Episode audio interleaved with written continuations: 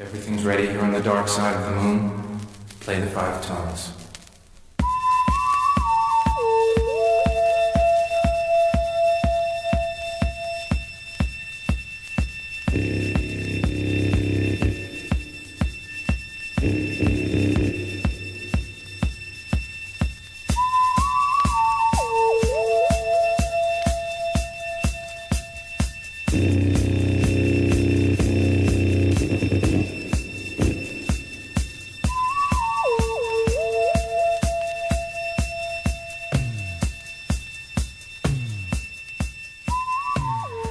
Pues con esta sintonía y como adelantábamos en el sumario, entramos en este tarte de ciencia y pensamiento crítico.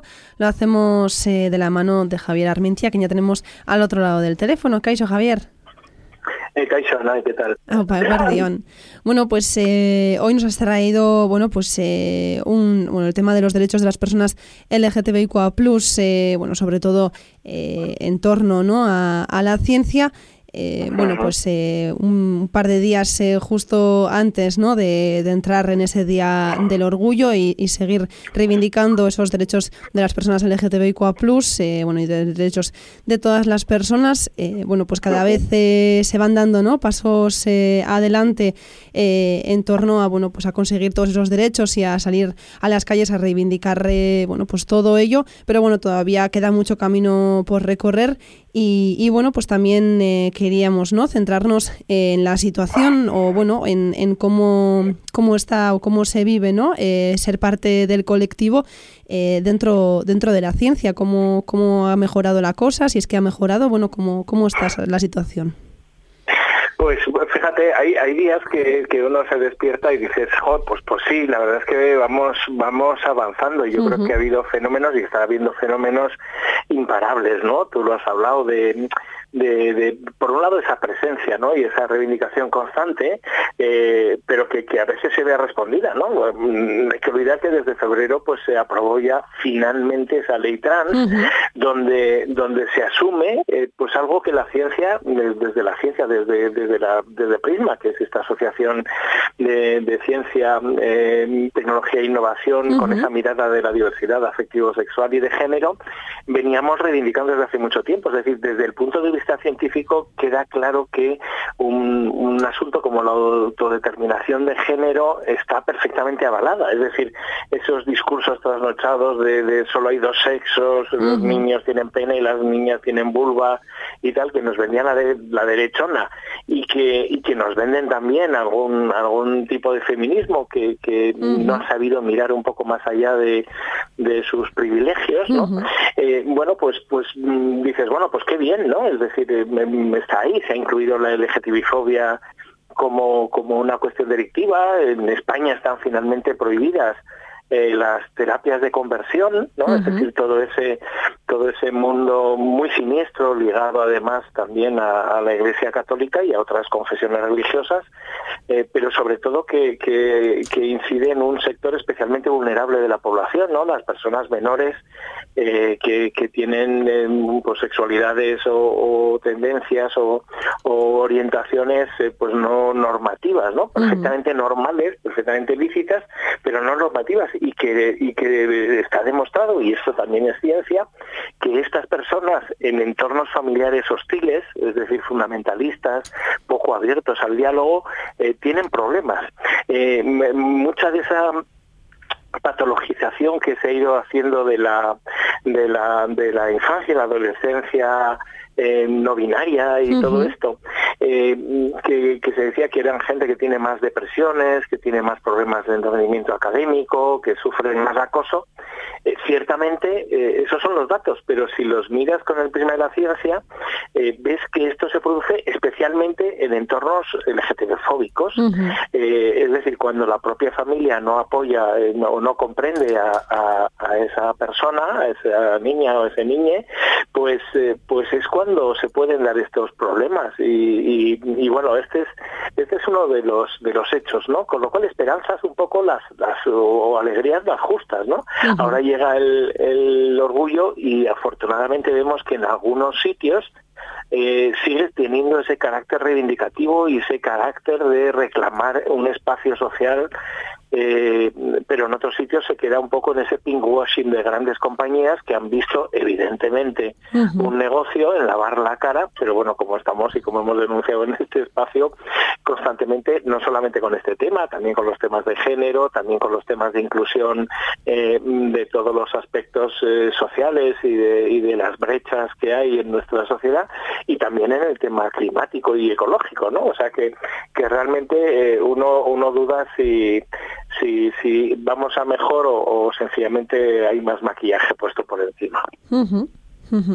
Antes eh, comentabas, o bueno, has nombrado ¿no? a, vuestra asociación eh, Prisma, la cual creasteis en 2019 para la diversidad afectivo-sexual y de género en la ciencia. Bueno, no sé si te gustaría eh, comentarnos un poco ¿no? más en torno a esta asociación, para quien no la conozca, qué labor hacéis y si no me equivoco, bueno, habéis presentado 10 medidas para la igualdad de, LGTBI, de, de, las personas LGTBIQA+.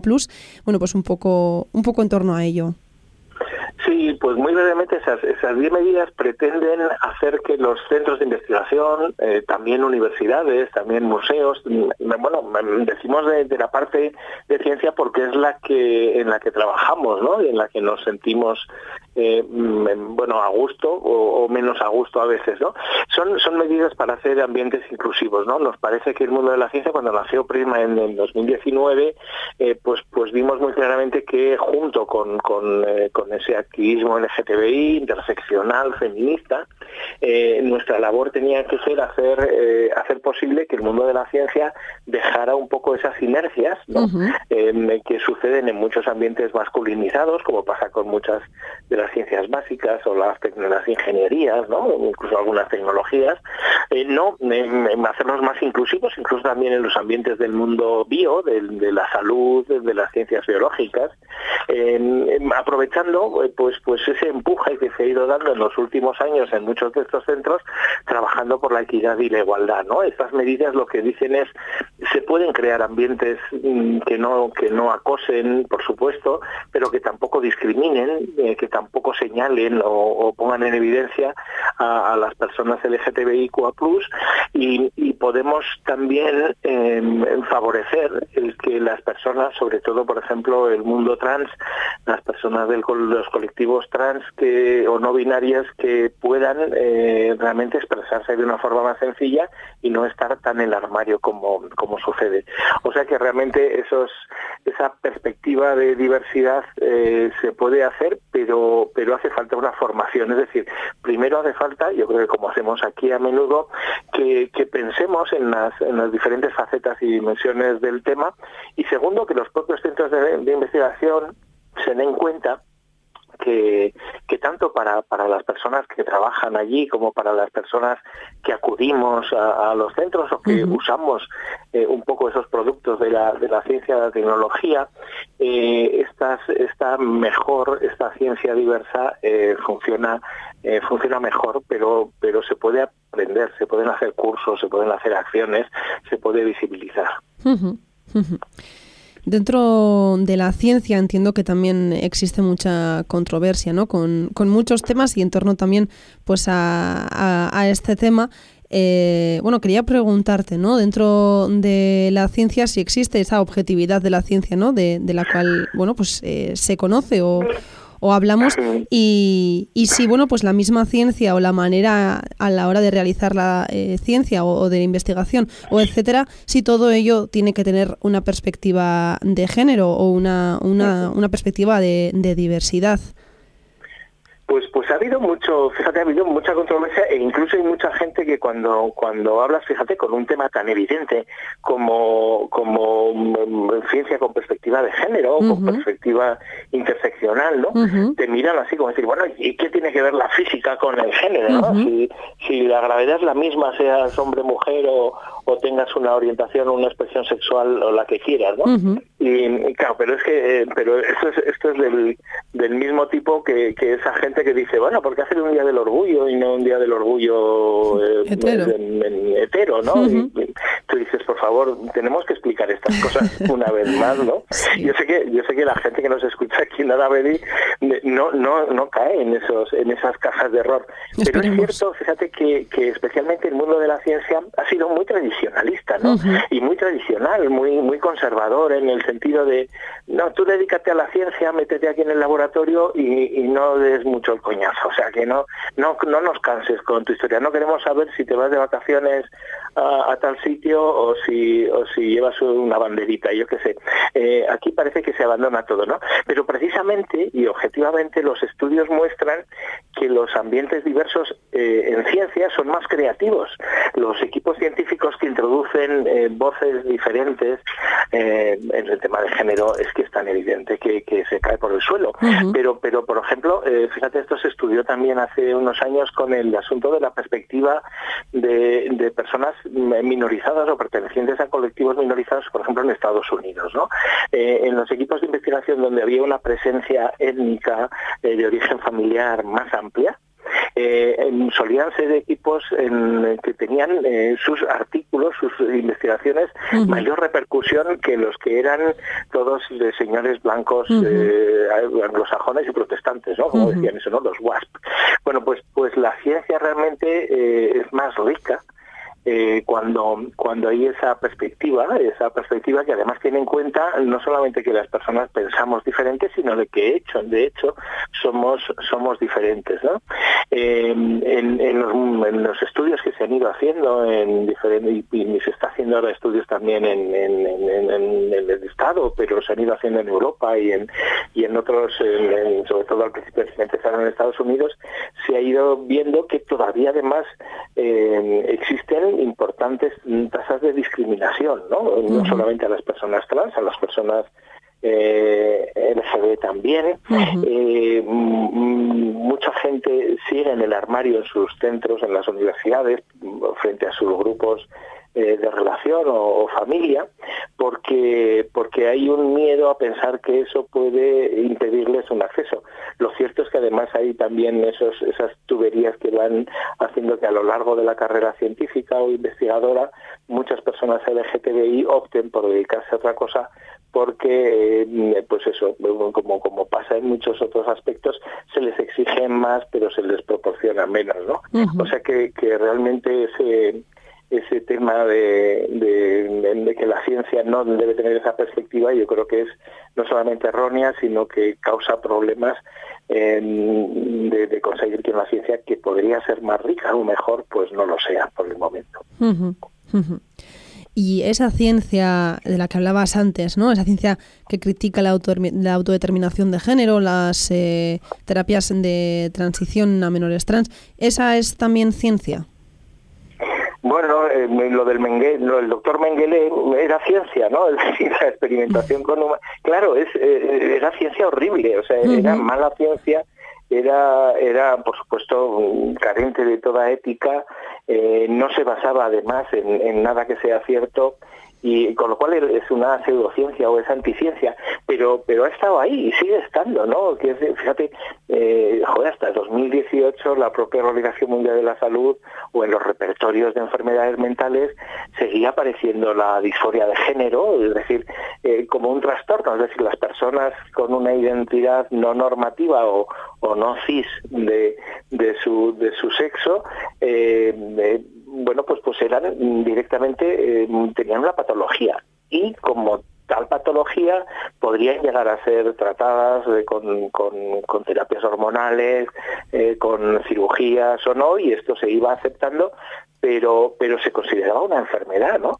Esto esto como quien dice eh, ha, pasado antes de ayer, ¿no? En, como te decía antes, en febrero, a partir de febrero aquí existe una ley, pero que está todavía por desarrollar, y a saber si, si cambian las tornas y si entramos en, gobiernos de la ultraderecha, como puede pasar en, en, el Estado, pues pues qué situación se puede plantear. Ya nos hablaron de, de que lo primero que van a hacer es derogar este tipo este tipo de leyes, pero pero es absurdo porque esto está está ya ahí, es decir, eh, lo que hay que hacer es todo lo contrario, es acompañarlo. La ciencia puede ayudar mucho, ¿no? Eh, sin embargo, sigue, sigue, habiendo muchísimos prejuicios. Hablabas de las bueno de las de las terapias de, conversión, ¿no? ya desde hace bastantes años todas las asociaciones psiquiátricas, psicológicas, educativas, de salud han avisado de que estas estas eh, historias son directamente eh, dañinas, es decir, no solamente son una, terapia eh, que, cure nada, sino que, que, causan problemas, ¿no? Es decir, incrementan la posibilidad de, desadaptación, de suicidio, de, fenómenos depresivos, bipolares, etcétera, ¿no? Em, la ciencia tiene que darse cuenta de que toda esa ciencia horrible eh, no era tal ciencia, ¿no? Em, todos esos estudios en los que en los que se ha mm, partido de de, una, de un prejuicio, eh, pues se han demostrado erróneos. ¿no? La situación es parecida a la que sucedió pues, pues hace un siglo, cuando las expediciones polares empezaron a encontrar que, eh, pues fíjate, las, las colonias de pingüinos tenían un porcentaje donde que aceptaban parejas eh, homosexuales tanto de machos como de hembras, ¿no? Y que, y que algunas de estas parejas llegaban a, criar huevos de otras parejas que no habían podido llevarlo a cabo y así, ¿no? Y, entonces los, biólogos, mm, hubo un caso muy divertido de, de un biólogo británico en la expedición de Shackleton, que escribió un informe para la Royal Society diciendo esto es una abominación los los, eh, los pingüinos sodomitas de, la Antártida, hay que, esto hay que esconderlo, ¿no? Eh, eso era ciencia en aquella época, ¿no? Ahora se, hace unos años se recuperaron esos informes y, se vio que aquellas noticias tan graciosas de los pingüinos rey de aquel eh, zoológico de Alemania y tal, pues eran parte del repertorio de la conducta sexual y social de los pingüinos, como es parte del repertorio de la conducta sexual y social de muchos de muchas otras especies, ¿no? Eh, o sea, cuando nos damos cuenta de que lo que durante muchísimo tiempo los curas y todo han dicho que era algo contra natura, está perfectamente asumido en la naturaleza, podemos acabar por decir, dice, bueno, la ciencia podía haberse dado cuenta un poquito antes, ¿no? Pues eh, Javier, para ir eh, acabando, teniendo como decíamos en cuenta eh, de aquí a un par de días ese 28J y también teniendo, bueno, ¿no? siempre en, en, la memoria o en agendado ¿no? esos días también bueno, pues en contra de la LGTBIQA plus fobia, ¿qué se puede hacer tanto dentro como fuera de la ciencia? Bueno, yo creo que ahí nos toca nos toca a todas las personas a una sociedad que sea que sea activista, que seamos activistas en estos y otros temas necesariamente. Es decir, eh, yo creo que en, nuestras ciudades, en nuestros pueblos hay hay mm, demostraciones, hay manifestaciones, eh, hay paradas del orgullo que muy lejos de, ir a, solamente a celebrar, que está muy bien celebrar, ¿eh? o sea que hay que pasárselo muy bien y hacer hacer la chufla porque nos la merecemos todas. Eh, yo creo que también eh, hay que mantener ese nivel reivindicativo, hay que recordar a, los poderes públicos dónde estamos, dónde queremos ir y hacia dónde queremos ir. ¿no? Eh, me, me pasaban el otro día ese, ese vídeo un poco penoso de una persona que fue consejera de Igualdad de Euskadi, de, la, y, que, le a ver qué, querían decir las letras, ¿no? LGTBI y, la buena mujer que ha sido responsable precisamente de, de, la igualdad del LGTBI en, el País Vasco, pues se decía, ay, la B no sé qué es. Y, la I tampoco, ¿no? Y decía, chica, pues, no sé, aprender, aprender cuatro o cinco letras no es tan complicado. Incluso aunque mañana añadimos cinco, añadimos eh, cinco o seis letras más, que por qué no, es decir, porque el colectivo diverso queremos eh, reivindicarnos como algo diverso, pues pues te aprendes cuatro letras más. Y sobre todo, y yo creo que esto es lo importante y yo creo que la gente que nos escucha lo empieza a tener muy claro, yo lo veo sobre todo en la gente más joven, no hay ningún problema en a la gente en preguntarle, oye, a mí me gusta que me traten como él eh, o ella o como te apetezca, eh, ¿cómo te gusta que te traten a ti? ¿no? Eso, eso le dicen los ingleses de cuáles son tus pronombres. si, si empezáramos a introducir esto en el, en el saludo, cuando nos presentamos a alguien, estaríamos diciendo además que queremos, eh, queremos que esta sociedad se dé cuenta de que diversos somos pues más guapas y mejores. Pues Javier, nos quedamos con todo lo comentado hasta ahora. Si te parece bien, vamos a ir terminando esta colaboración, bueno, pues como es habitual, ¿no? Con esa canción que nos traéis. Eh, bueno, no sé si te gustaría presentárnosla. Pues muy brevemente, porque la verdad es que no, no las conozco de nada, pero escuché una canción que se llamaba Guy Science, de una banda de Chicago que se llama La chica de la carta, The Letter Year, y, me encantó, tiene un toquecito así, a ver a ver si, a ver si te gusta, a ver si os gusta por ahí. Qué guay. Pues eh, nos despedimos con Gay Science de, de Letter Girl y, nada, Javier, pues eh, mi esker por estar aquí hoy con nosotros en Suelta la Olla, por traernos todas estas eh, cuestiones. Y nada, si te parece bien, lo dejamos aquí por hoy. Ya nos escuchamos, bueno, pues el curso que viene, así que... me deis vacaciones. Eso es. ya merecidas también. Así que nada, pues que vaya muy bien el verano también y las vacaciones. Lo mismo, ya, seguir la lucha. Agur. Orida, ¿dónde están? Agur.